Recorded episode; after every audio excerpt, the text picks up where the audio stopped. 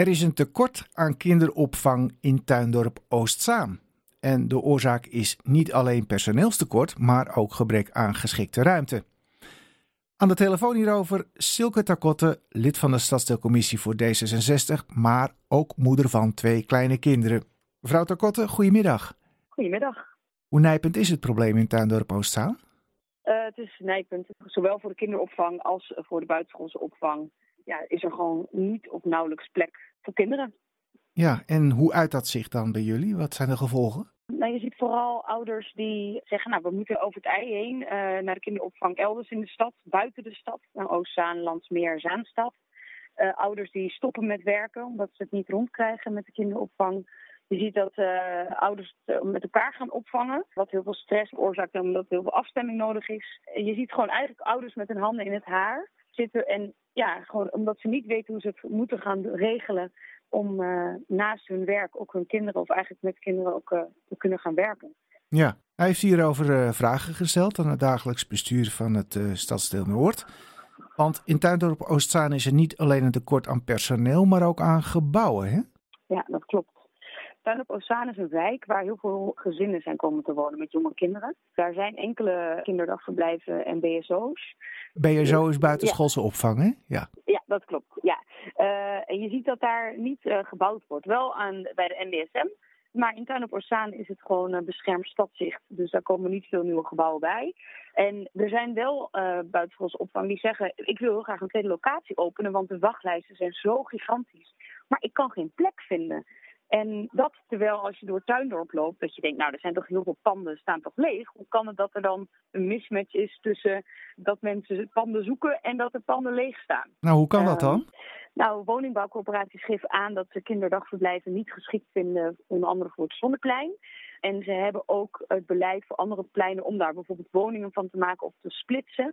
En of het is in particulier bezit of er zit een andere bestemming op. En kinderdagverblijven, dat is misschien wel goed om te vermelden, die moeten huren van commercieel vastgoed. Je hebt maatschappelijk vastgoed en je hebt commercieel vastgoed. En kinderdagverblijven moeten echt uh, aanspraak maken op uh, ruimtes met een commerciële bestemming. Dus die en, woningcorporaties uh, die mogen dat ook niet verhuren, omdat ze niet commercieel mogen verhuren. Begrijp ik u goed? Nee, dat, uh, dat klopt niet helemaal. Het is wel juist, het zonneplein is juist voor commercieel, dus voor winkels mm -hmm. bijvoorbeeld.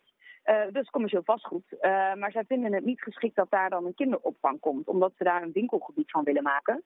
Maar het is natuurlijk goed recht namens de woningbouwcorporatie om te zeggen, nou dit vinden wij niet passen bij het plein. Ja. Nou heeft u hier dus vragen over gesteld aan het dagelijks bestuur van het stadsdeel. Maar wat kunnen die er eigenlijk aan doen? Want ze zijn niet de baas van de woningcorporaties. Nee, nou ik denk dat het heel goed is. Noord is, uh, ik noem het altijd het noorderschap. We doen heel veel met en voor elkaar. Ga met ouders, scholen, woningbouwcorporaties, eigenaren van panden om tafel zitten. Bekijk wat opgelost kan worden gezamenlijk.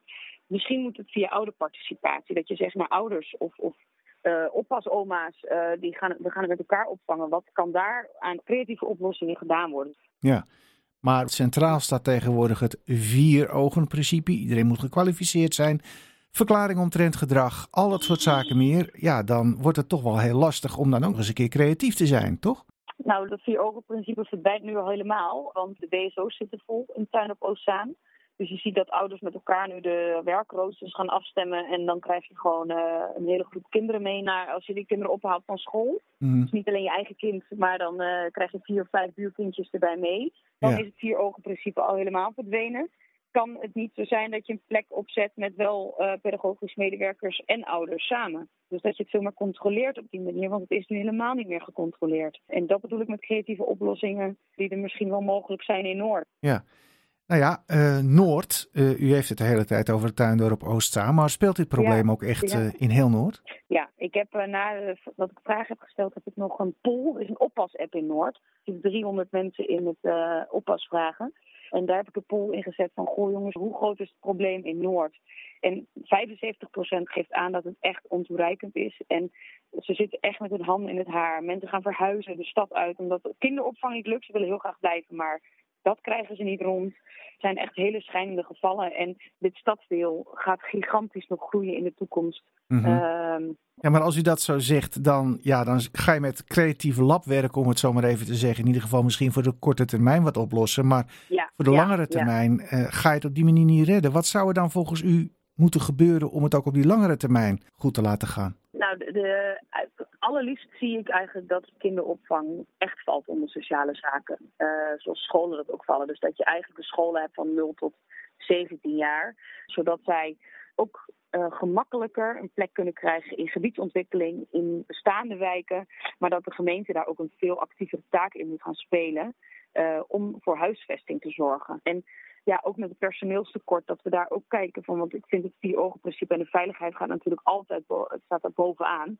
Hoe kun je ervoor zorgen dat er meer mensen betrokken worden en ook ehm, ja, behouden blijven in de kinderopvang? En eh, ja, daarvoor zou je kunnen kijken naar woningen voor docenten, voor kinderopvangpersoneel. Dus eigenlijk voor vitale beroepen. Dat ook het personeel voor kinderopvang daar eh, bij moet. En je zou een enquête nu al kunnen doen als dagelijks bestuur zijnde. Van wat missen ze en wat kun je makkelijk oplossen om ze toch hier te behouden. Want we hebben naast gebrek aan ruimte ook personeelstekort natuurlijk. Ja, goed. Ideeën daarover. Eh, we blijven het volgen. Dank u wel, mevrouw Takotte. Yes, graag gedaan. Bedankt.